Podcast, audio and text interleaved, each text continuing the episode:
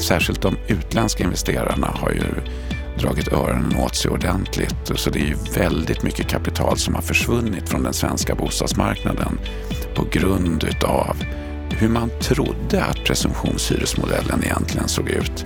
Men när det sen kom till kritan och det prövades i hovrätten, eh, då blev det ju plågsamt tydligt att det här är en modell som är direkt kontraproduktiv.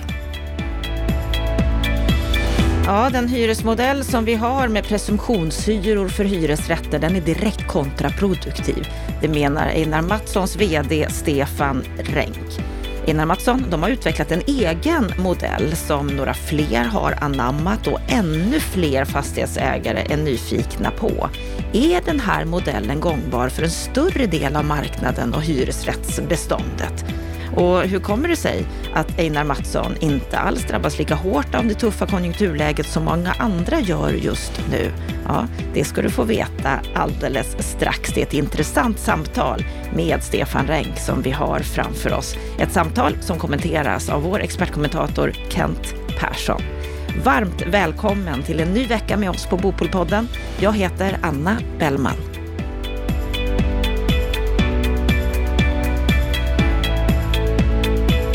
Han leder Stockholms stads största privata ägare av hyresbostäder, 6 000 bostäder. Einar Mattsson, en av de mest aktiva projektutvecklarna i regionen och som har som mål att färdigställa minst 4 000 bostäder under en tioårsperiod. Hur går det med de planerna i dessa tider? Och deras egna hyresmodell, är den gångbar på sikt? Det är vi nyfikna på. Så jag säger varmt välkommen till Bopolpodden, Stefan Renck. Tack Anna. Vad är din sinnesstämning idag? Och den är ljus. Den är det? det är På vilket sätt då? Nej, men det är ju vårvarmt och solsken och det påverkar ju även eh, optimisten inom en. Ja, visst är det skönt med sol och värme, äntligen. Det bidrar. Det bidrar. Du, Stefan, vi har många saker att prata om idag, men vi är ju naturligtvis mest nyfikna på Einar Mattsson som grundade bolaget en gång i tiden, 1935, din morfar. Ja. Vem var han egentligen? Han var en eh, Roslagsson som föddes 1904. Och då var han ju född under den tiden i Sverige då skolsystemet inte var särskilt utvecklat så att han gick fyra år i, i folkskola. Eh, och sen så fick han börja hjälpa till på gården där hemma. Och efter ett tag så tyckte han att eh, bondelivet kändes lite väl trångt så han ville göra andra saker. Så då begav han sig till Stockholm 1928 med en verktygslåda på axeln och fick jobb hos en byggmästare. På den vägen är det. På den vägen är det och han startade alltså Einar Mattsson 1935, ett betydligt större bolag idag än bara en enmanslåda. Hur stora är ni?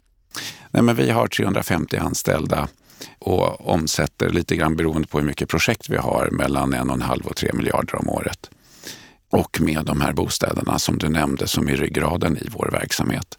Men allt kretsar ju kring bostadsfastigheter.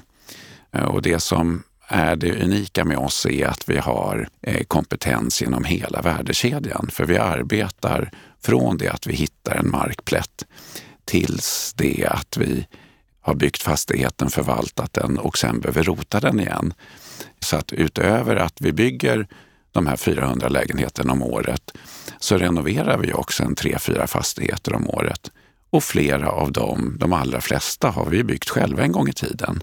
Så hela värdekedjan plus att ni förvaltar betydligt fler bostäder också än vad ni äger? Precis, vi förvaltar ju även åt andra uppdragsgivare såsom Riksbankens jubileumsfond och Brandkontoret, Skandia, Vallfast, Axfast och AMF. Och jag funderar, Stefan, när jag, när jag läser på om dig, din väg in i detta företag. Du hade ju en annan karriär än fastighetsbranschen innan du började på Einar Mattsson, Securum, Castellum, Leimdörfer. Men du blev vd och koncernchef 2002. Mm. Var det givet att du skulle komma in i bolaget? Att jag skulle behöva eh, göra någonting inom bolaget vid något tillfälle. Eh, det, det trodde jag nog ändå. Men jag försökte ju ändå aktivt genom utbildning och annat att orientera mig mot andra branscher. Och hur kom det sig då att du kom hit? Ja, alltså det var, jag tog examen ungefär i samband med bank och finanskrisen i slutet på 80-talet, början på 90-talet. Och det var så jag hamnade i Securum som ju var Nordbankens bank för dåliga krediter. Och de allra flesta säkerheter som låg från de här krediterna låg i fastigheter. Så då blev det fastigheter att börja arbeta med. Och eftersom Securum då hade en massa fastigheter så bildade man Castellum för att, som ett av de bolagen som man samlade sina fastigheter i. Och dit följde jag med min chef och hade förmånen att få vara med och, och i uppbyggnaden av Castellum från grunden. Och nu då så har du varit på Einar Mattsson i drygt 20 år. Vad jag förstår så var det tänkt att du bara skulle vara där en femårsperiod ungefär i början. Ja, så var det. Eh, och det var för att det var viktigt för mig att, att, säga att jag gör det här under en begränsad tid och sen efter fem år så gör vi en avstämning och ser om det här är någonting att fortsätta med eller inte. Men jag hann aldrig känna efter och sen dess har tiden flugit iväg. Och nu blir du kvar? Ja, det får vi väl se. Vi får väl se vad min styrelse och mina ägare säger om det. Mm. Hur många är det som är aktiva från familjen? Ja, det är jag som är operativt aktiv, men mina två syskon som också är delägare i firman, de sitter i styrelsen. Men vi har ju tre styrelseledamöter i firman som inte är familjemedlemmar. Och vid rekryteringen av dem så har både jag och mina syskon noga understrukit att deras viktigaste uppgift är att utvärdera mig och att skicka mig om det är så att jag inte gör mitt jobb. En viktig uppgift. Det är en väldigt viktig uppgift. För det är lite speciellt med familjeföretagande. Ja, men det är det. det, är det. Och jag, både jag och mina syskon är ödmjuka inför att de kommer ha svårt att sparka mig. Och det får vi nästan Det måste hoppas. de andra hjälpa till med, för, även för mitt bästa. Mm. Hur, hur mår Einar Mattsson som bolag idag? Eh, vi mår bra. Vi är ju inte på något sätt opåverkade av den konjunkturutveckling som vi har haft här den senaste tiden. Men eh, vi har också varit väldigt försiktiga under senare år med att eh, göra större förvärv. Vi har helt enkelt inte fått ihop kalkylerna utifrån de nyckeltal som vi arbetar med och har ju sett framför oss att en vacker dag så kommer man att behöva höja räntorna igen. Eh, och då gäller det att vi har tillräckligt mycket kapital för att kunna klara den situation som vi då går in i. Genom den snart 90-åriga historia vi har så har vi upplevt väldigt många kriser och också då lyckats ta oss igenom dem. Och inte sällan för att vi har haft en buffert att kunna arbeta med även i svåra tider. Så när den här typen av tider inträffar, ja då är det den typen av aktörer som vi är som fortfarande är aktiva och driver affärer och bygger. Och vi sätter igång en hel del projekt även nu. Ni gör det? För ja. det är ju väldigt många som har stoppat helt. Ja, precis. Och det är tack vare er buffert, er strategi? Ja, och de, de förvärvsstrategier vi har haft tidigare så att projekten gick ihop på de kalkyler som vi förvärvade dem till då tidigare. Men sen också att det finns ett eget kapital att ta marknadsvariationer med när priserna fluktuerar ute på marknaden. Och när du pratar buffert, alltså, vad är det för summor vi pratar om? Hur, hur ser den strategin ut? Nej, men att det är eh, dels att arbeta med räntenivåer som är någonting annat än de vi har levt med de senaste åren i, i kalkylerna. Så att det finns förutsättningar i ett, ett, eh, ett bostadsrättsprojekt att räntan går upp till en, en 5-6 eh, procent och att föreningsekonomi klarar sig på det och att vår projektekonomi klarar sig på det också. Ja, du, du sa ju här att ni har ju 6 000 som sagt bostäder som ni äger i Stockholm. Ni förvaltar 14 000. Ni har som mål att färdigställa 4 000 bostäder under en tioårsperiod, alltså 400 per år. Mm. Hur många av dem kommer ni klara av att färdigställa? Det, förhoppningsvis så kommer vi att färdigställa eh, mer än så. Men mycket beror också på vad vi kommer att kunna förvärva nu de kommande åren i form av nya byggrätter. Eh, för eh, sanningen att säga så är vår portfölj lite tunn efter de senaste åren så vi har behov av att investera i nytt och fylla på.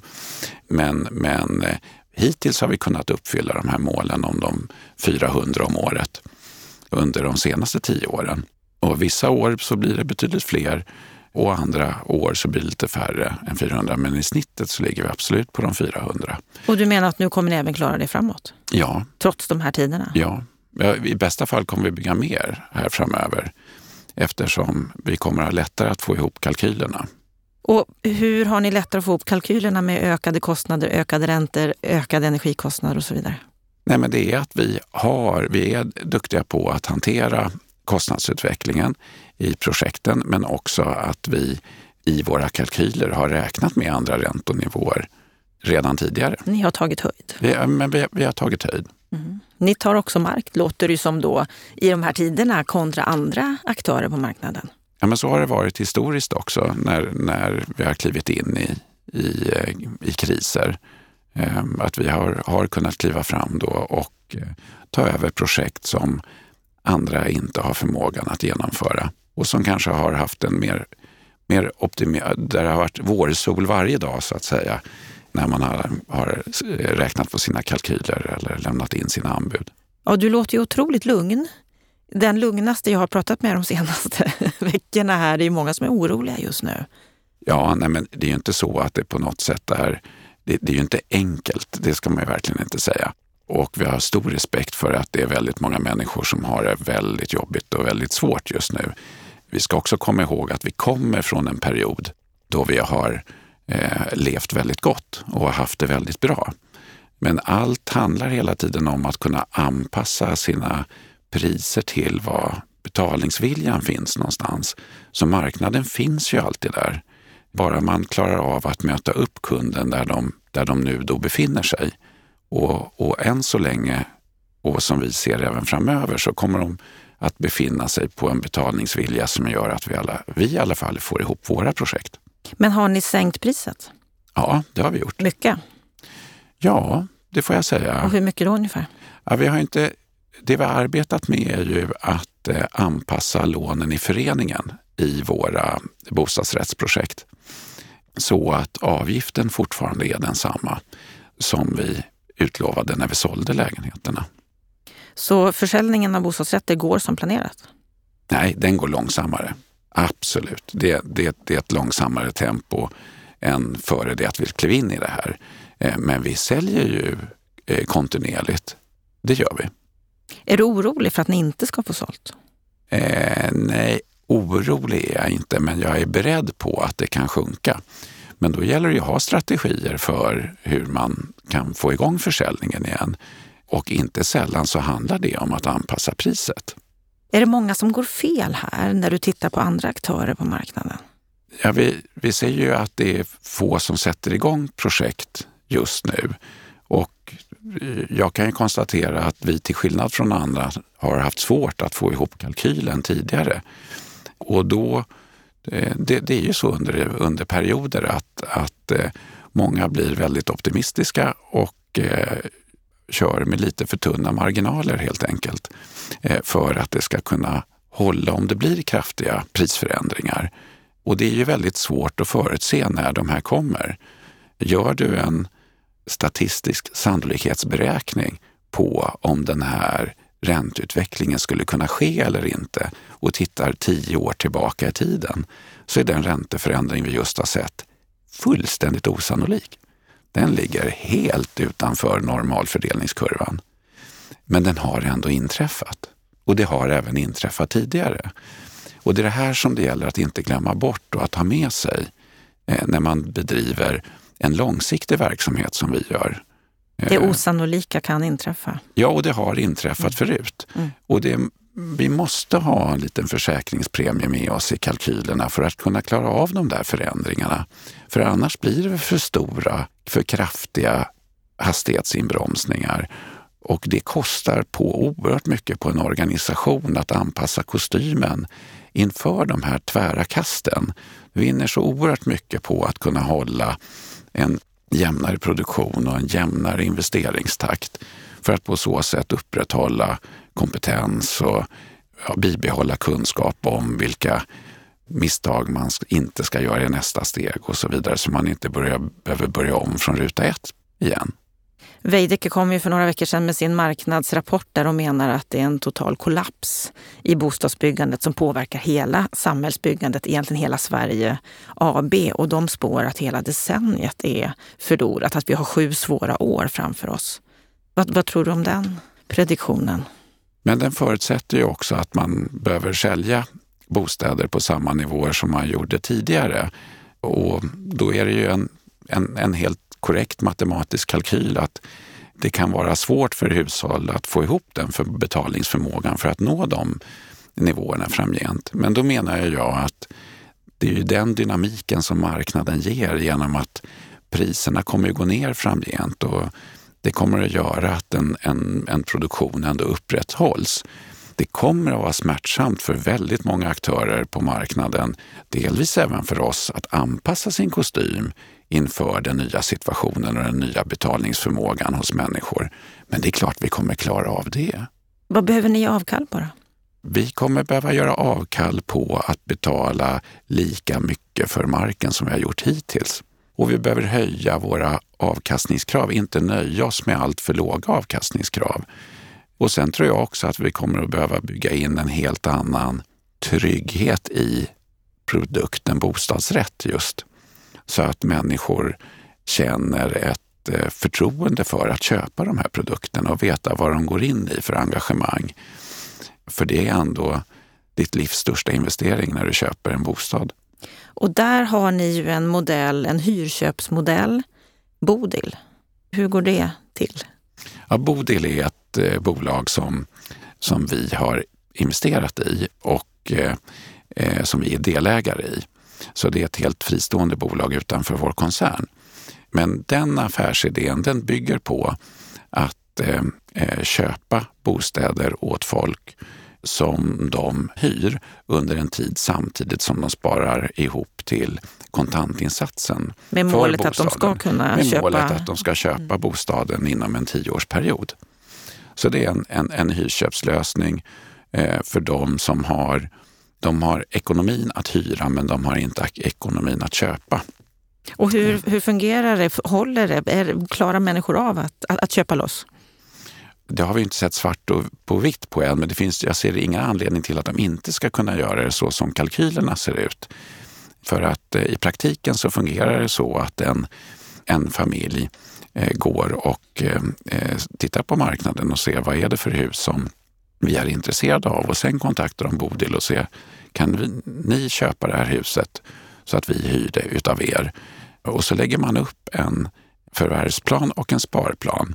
Och sen så får också köparna ta del utav en del utav värdeutvecklingen eh, på den här bostaden som man då hyr utav Bodil. Och det kan vara vilken kan... typ av bostad som helst? Det är inte speciella fastigheter som är Bodilfastigheter? Nej, det är det inte. Det är det inte. Eh, men det ska också det ska också passa både för köparen och för Bodil vad det är för, för hus som köps. Inte sällan eh, radhus eller småhus i storstädernas kranskommuner. Är det många som vill ha den här typen av lösning? Är det, är det eftertraktat?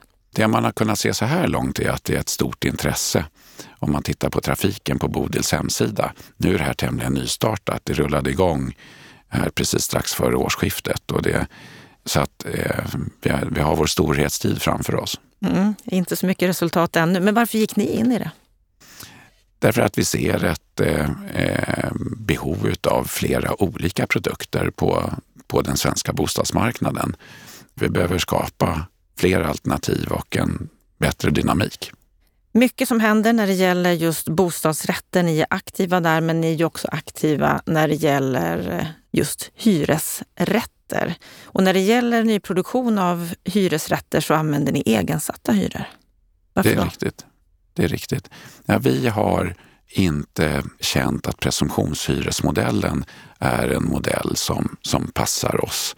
Presumtionshyresmodellen är ju en lagstiftning som, som tillkom under den förra hyreslagens tid. Och den bygger ju i grund och botten på synsättet att det är kostnaderna som styr vad hyran ska vara. Men sedan 2011 så har ju vi i hyreslagen det så att det är bruksvärdet som ska styra vad hyran ska vara.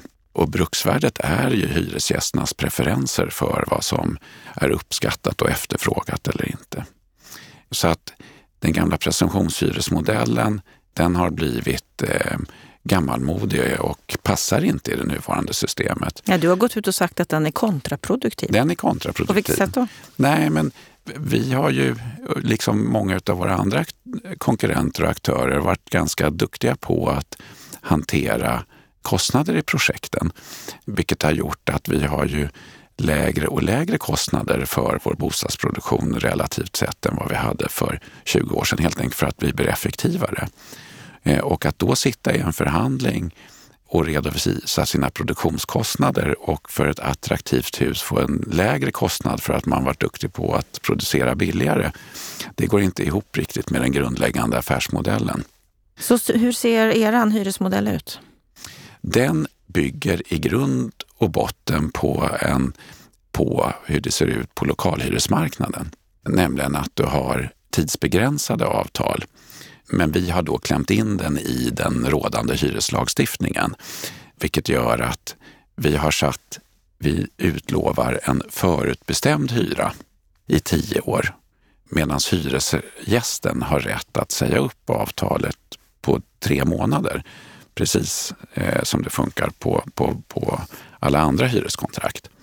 Och det här gör ju det att vi har ju ett intresse utav att, att hyrorna ska vara så rätt som möjligt så att hyresgästen stannar kvar så länge som möjligt. Så har vi, sätter vi en för hög hyra, ja då flyttar ju hyresgästen betydligt tidigare än den här tioårsperioden. Eh, och sätter vi en för låg hyra, ja då, då stannar man under hela tioårsperioden minst. Och så sätter vi en ny hyra igen efter tio år. Men om ni sätter en för låg hyra så får ni inte täckning för kostnader? Nej, men så är det. Men sen är det också så att varje gång som det byts en hyresgäst för en lägenhet så, så eh, sätts det eh, en ny hyra för den lägenheten. Så det här är ju en ett hyresgästanknuten hyressättning och inte en lägenhetsanknuten hyressättning. Och i grund och botten så handlar det här om att vaska fram vad är hyresrättens kritiska egenskaper på bostadsmarknaden. Vad är det hyresrätten kan erbjuda som, den, som andra upplåtelseformer inte kan erbjuda? Jo, det är ju förutbestämda kostnader. Du vet vad du ska betala varje månad, i vårt fall i tio års tid. Och du vet då att du inte får några ändringar i hyran beroende på om räntor går upp eller om det krävs ett visst underhåll eller att saker går sönder och så vidare. I den ägda bostaden, så på en fungerande marknad så har du ju en lägre boendekostnad över tid. Men samtidigt så väljer du själv vad du ska lägga in för engagemang och vad du ska ta för risker. Hur länge ska du eh, binda dina kapitalkostnader, dina räntor? Vad ska du, vem ska du anlita för att göra ditt underhåll? Vilka ska du använda för att leverera el till bostaden och så vidare. Men i den här tiden då, då, då räntorna har gått upp mycket, det är ju många hyresgäst ägare, som, eller hyresrättsägare, ehm, fastighetsbolag som är lite, lite besvikna över alldeles för, för låga hyreshöjningar nu. Att de inte får ihop kalkylen när det gäller att hålla bra standard på bostäderna och så vidare. Klarar ni av det när ni har de här långa cyklerna med tioårsperiod? Ja, det gör vi ju. Men vi, vi, eh, det är ju så också att, att de här tioårsperioderna, det är ju en naturlig omsättning i ett bestånd också. Eh, så ni så skriver upp hyrorna på de som precis omsätts? Precis som i en, i en lokal hyresförvaltning så är det ju så att, att, att hyrorna förändras ju när villkorsperioderna går ut eller när man byter lokalhyresgäst. Och på så sätt så hänger man ju med i hyresutvecklingen på ett annat sätt. Hur länge har ni haft den här modellen? Vi har arbetat med den sedan 2016 så det är lite drygt 600 lägenheter som omfattas av den idag. Och det fungerar bra? Det fungerar bra. Är ni ensamma om den? Nej, inte längre. Utan det är eh, allt fler fastighetsägare som, som också arbetar med det här eller som tittar på det och är nyfikna och, och, och använder sig av det. I synnerhet sen i somras då hovrätten då fällde ett avgörande om presumtionshyror, vilket har gett stora negativa effekter på, på nyproduktionsmarknaden för hyresrätter. Man skulle kunna, det är väldigt, särskilt de utländska investerarna har ju dragit öronen åt sig ordentligt. Så det är ju väldigt mycket kapital som har försvunnit från den svenska bostadsmarknaden på grund utav hur man trodde att presumtionshyresmodellen egentligen såg ut. Men när det sen kom till kritan och det prövades i hovrätten, eh, då blev det ju plågsamt tydligt att det här är en modell som är direkt kontraproduktiv. Så många är nyfikna. Många vill, vill kanske testa samma sak. Vad säger Hyresgästföreningen om den här modellen? Inte så mycket så här långt. Är du förvånad över det? Ja, både ja och nej ska jag säga. Både ja och nej. Hur ser du på risken att bli dragen till eh, hyresnämnden? Finns den risken ens? Ja, den finns absolut. Så, så är det ju. Eh, men har det, det hänt? Nej, det har inte hänt. Det har inte hänt någon gång än. Så att de hyresgäster som vi har som, som har de här hyresavtalen, de är ju de, de är väldigt nöjda med det och känner sig väldigt trygga med det. Och jag tycker särskilt i dessa tider så är det ju så väldigt tydligt vad den här produktens fördelar är. När vi har kraftiga förändringar, att då kunna eh, ha försäkrat sig om att ha en fast boendekostnad över en längre tid är ju ett, har man, sätter man ett oerhört stort värde på. Det är ju det som egentligen är de riktiga presumtionshyrorna. Alltså vad är förutsägbarheten i det här? Ehm, den gamla presumtionshyran den handlade mer om att göra det tryggt för de som byggde, inte för de som skulle bo där. Du ser väldigt nöjd ut när du pratar om det här. Du är det? Ja, men jag tycker att det är en, en lösning som verkligen tillför bostadsmarknaden någonting. Och eh, den står bra på egna ben. Och det är många som sagt som är besvikna över, över hur hyresförhandlingarna går och så, och så vidare. Kommer det här vara en lösning som kan vinna ännu mer mark och, och bli mer talande framåt? Ja, då, då tror jag faktiskt att man också skulle behöva hjälp av lagstiftningen. Men när vi skapade den här modellen så var det ändå den bakomliggande tanken var ju också hur skulle en hyresmodell kunna se ut på en fungerande bostadsmarknad som funkar för alla lägenheter, inte bara för nyproduktionen. Och det var, det var så vi landade i det här. Och I bästa fall så kan man med exemplets makt visa att det här är en, en trygg, ett tryggt erbjudande och skapar dessutom en attraktivitet just för hyresrätten som, som upplåtelseform och som ger ett alternativ till den ägda marknaden som verkligen är någonting annorlunda än det ägda. Det är ju många saker att ta hänsyn till och som påverkas när man är fastighetsägare. Nu har ni både bostadsrätter och hyresrätter, men en sak som ni ju har varit tvungna att hantera, det är ju inte bara hyran, utan det är ju också hyresgäster där det inte riktigt fungerar. Och vi har ju ett fall ifrån 17 april i år där sonen mördade och föräldrarna förlorade sitt hyreskontrakt. Ni som fastighetsbolag, Einar Mattsson, ni vann över föräldrarna till en morddömd gängmedlem i Hjulsta. Hur, hur, ser du på det här fallet och på, på hela den här situationen? Den sätter ju ljuset på att vi har haft en, en del obalanser också i vår hyreslagstiftning. Eller hur vår hyreslagstiftning har tillämpats ska jag säga och där besittningsskyddet har varit eh, lite väl starkt. Det har varit lättare för oss att skydda sin omgivning för, från någon som festar ordentligt och skränar och stör än från några som bedriver en kriminell verksamhet. Och, och, och det är klart att då, då har ju inte tillämpningen av lagstiftningen känts balanserad på något sätt. Eh, för jag menar, det som, är, det som är viktigt för oss, det är ju att vi har ju återigen så att säga vårt, vårt erbjudande till hyresgästerna handlar inte bara om en, en, en trygghet om ekonomin och att eh, hyran ska vara förutsägbar. Du ska även kunna känna att du har en förutsägbarhet, att du lever i ett eller bor i ett, eh, i ett hus som du kan känna dig trygg i. Och där det finns då en fastighetsägare med intressen i att alla känner sig trygga och att den här bostaden är så attraktiv som möjligt. Och då har ju vi en överenskommelse med dem att här ska de, det ska de känna sig trygga i. Och då måste vi ju skydda de andra hyresgästerna när det är hyresgäster då som, som på ett eller annat sätt gör livet oerhört surt eller besvärligt för de andra. Oavsett om de festar, om de missbrukar, eh, om de hotar andra hyresgäster eller att det går så långt så att det blir misshandel, våld och mord.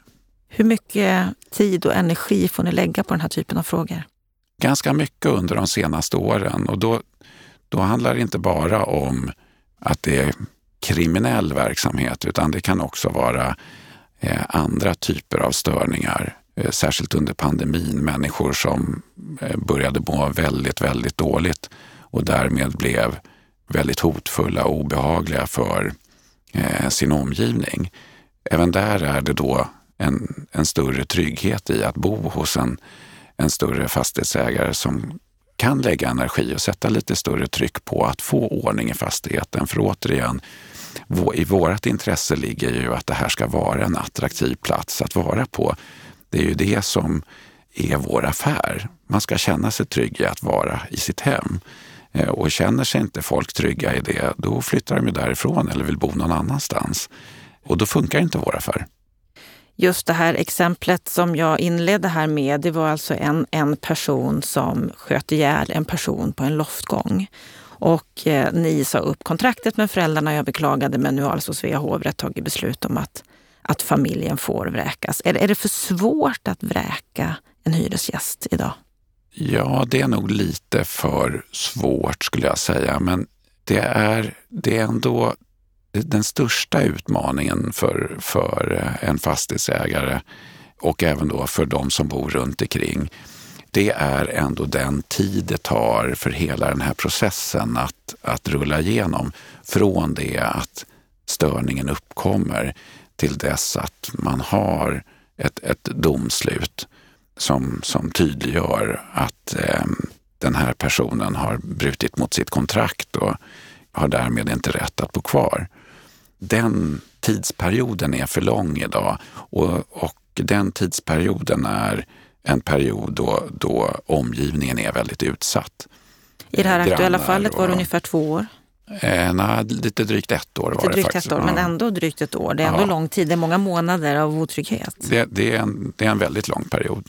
Det är en väldigt lång period. Och här fick ju ni rätt. Vi har ju ett annat fall i Malmö, MKB, deras eh, kommunala bostadsbolag, där MKB inte fick rätt i rätten, utan familjen fick bo kvar. Det pågår ju just nu en utredning som ska göra det lättare att vräka hyresgäster. Vad vill du att den här utredningen ska landa i? Nej, men jag tycker att den har, eh, kan den landa i de direktiv som eh, Eh, både den förra och den nuvarande regeringen har ställt sig bakom så är, så är det väldigt välkommet. Och just i syfte att få fart på de här processerna. Eh, för man ska komma ihåg att när man förändrar en lagstiftning så skapar det också ett stort signalvärde för det rättsvårdande systemet på vilket sätt man ska prioritera olika fall. Och det här kan göra Eh, att fallen får en högre prioritet och att man arbetar fortare igenom polis, hyresnämnder eh, och eventuellt eh, högre instanser. Och det vi ser är att det går fortare och fortare i den delen som polisen arbetar med.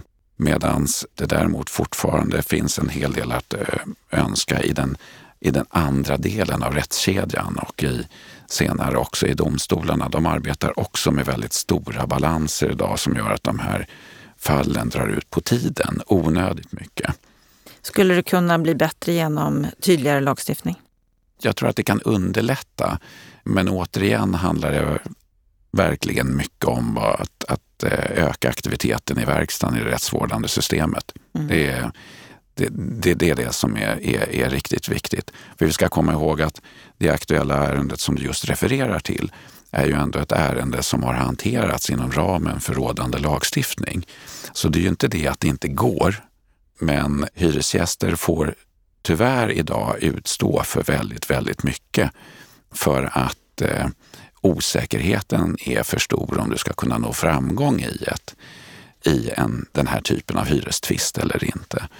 Och det är klart att den osäkerheten gör ju att omgivningen håller tillbaka och är försiktig för att det gäller ju att känna att man har tillräckligt på fötterna om man ska göra den här konfrontationen. Ja, det är många olika delar som ska fungera på en fungerande bostadsmarknad. Vi har ju berört några här, alltifrån då när det gäller att komma till rätta med besvärliga hyresgäster till hyresnivåer, till möjligheten att kunna köpa mark till rätt pris för att kunna utveckla nya bostäder. Vad tycker du är de viktigaste frågorna som vår regering, vår nya bostadsminister borde ta tag i? Hyreslagstiftningen. Hyreslagstiftningen, utan tvekan. Utan tvekan. Och då kan vi avslöja, Stefan, att på Bo på live sista maj, då kommer du vara med där och prata ännu mer om det. Så gärna. Ja, vi ser fram emot den dagen, 31 maj, och hoppas att det är många lyssnare som kommer dit också. Stort tack för att du kom hit och delade detta i Bopolpodden. Tack Anna.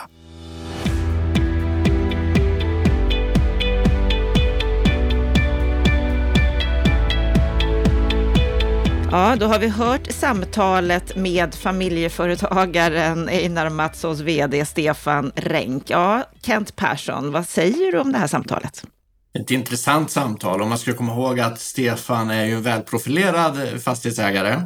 Eh, och har drivit de här frågorna under många år. Och det är också så att tittar vi på hur den privata sektorn upplever honom så brukar det, när det är de här omröstningarna kring vem vill du se som ny bostadsminister och oavsett vilken färg det är på, på regeringen så brukar Stefan Renck hamna ganska högt i de där mätningarna. Eh, hittills har han inte engagerat sig på den nivån politiskt.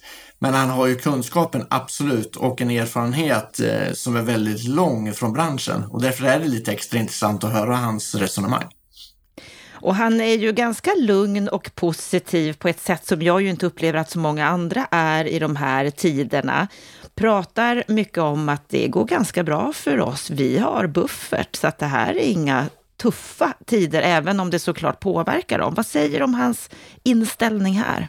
Nej, men I grunden har han ju rätt och vilket han också säger är ju att äga och förvalta eh, fastigheter och bostäder, det är ju en långsiktig affär och då handlar det också om att ha tålamod det som, eh, och han är ju väldigt lugn som person eh, och saklig. Eh, det som skiljer honom lite grann då, det är väl att under de här åren där alla stjärnorna stod rätt och vi såg näst Ja, vi såg väl i praktiken en överhettning på, på bostadssidan i Sverige.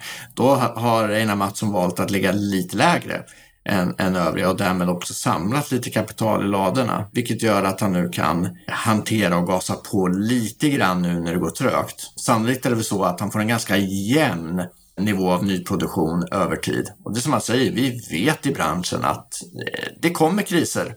Ungefär vart tionde år så får vi någon slags finansiell kris. Vad den beror på, ja det är lite olika. Den här gången var det ett krig som utlöste det, men Eh, det var liksom dags för en finansiell oro igen. Det brukar bli det ungefär var tionde år och han är väl rustad för det. Och det, det glädjer mig att vi har eh, fastighetsägare som tänker långsiktigt. Det här är ett familjeföretag som har funnits väldigt länge och kommer kunna finnas väldigt länge till i Stockholmsregionen där de verkar och tar ett stort ansvar för bostadsförsörjningen. Är det för få som tänker så här långsiktigt som Einar Mattsson gör? Nej, men jag tror att de flesta gör det, särskilt eh, förvaltningsbolag. Jag upplever att den största stressen är eh, nog snarare på utvecklingssidan där de har mycket korta affärscykler och måste ha in pengar. Eh, på förvaltningssidan så har man en mer långsiktighet och klarar detta. Oron i, i, på långsiktigheten nu, vilket gör att fler är oroliga, det är ju att vi har gått ifrån en, och väldigt snabbt, från en miljö med låga räntor, ingen inflation, Eh, och en ganska bra, bra affär till att det nu är ganska påfrestat. Och det gör att det blir en stress i systemet. Men alla bolag är, eh, tror jag, tänker långsiktigt. Något som vi pratade mycket om, det är ju deras syn på hyressättningssystemet och att de har utvecklat en egen modell för hyrorna. Att han menar att det nuvarande systemet som finns, det är direkt kontraproduktivt. Hur ser du på hans syn när det gäller vårt hyressättningssystem? Nej, men han har rätt i det och eh, framförallt när det gäller nyproduktionen så är det ju idag problem att räkna hem projekten. När vi tittar på det så eh, kan man väl säga att bakåt i tiden och innan kriget, då gick vi plus på projekten. Nu när vi räknar på, på projekt så, eh, så är det negativ avkastning, vilket gör att det går inte att dra igång nya projekt. Och det har en del att göra med presumtionshyressystemet och effekten blev ju total när den här hovrättsdomen kom. Eh, så det har han rätt i och han har också rätt i att presumtionshyressystemet har överlevt sig själv. Det skulle behöva ersättas av en ny modell när det gäller hyressättning på nyproduktion. Eh, och det hade vi en utredning kring som, eh, som politiken inte klarade av att hantera och det är beklagligt. Det som är intressant med Einar Mattssons egen modell som de använder, det är ju att i praktiken är ju det eh, fri hyressättning eh, och väldigt nära den modellen som den här utredaren tittar på. Det vill säga att Einar Mattsson förhandlar med sina kunder, sätter en hyra och förutbestämmer då också vad hyreshöjningen ska vara i tio år. Och när det kommer in en ny kund så tar man en ny förhandling om både hyresnivå och eh, hur hyreshöjningen ska se ut i tio år. Och det gör han i en förhandling direkt med hyresgästerna. Det är eh, enligt mig definitionen av en fri hyressättning och därför får han detta att fungera.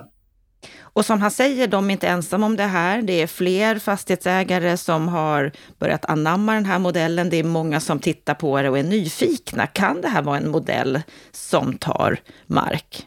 Absolut. Det är nog många av oss som skulle vilja eh, kunna tillämpa den modellen. Eh, och i stort så vore det bra för Sverige om vi gick över på en sån modell. Jag bara hoppas att parterna på, på hyresrättsmarknaden eh, skulle välkomna det och gå med på det. För skulle de det, ja då skulle vi ha löst mycket av de problemen som finns idag när det gäller just hyressättningen och hyresnivåerna på nyproduktion.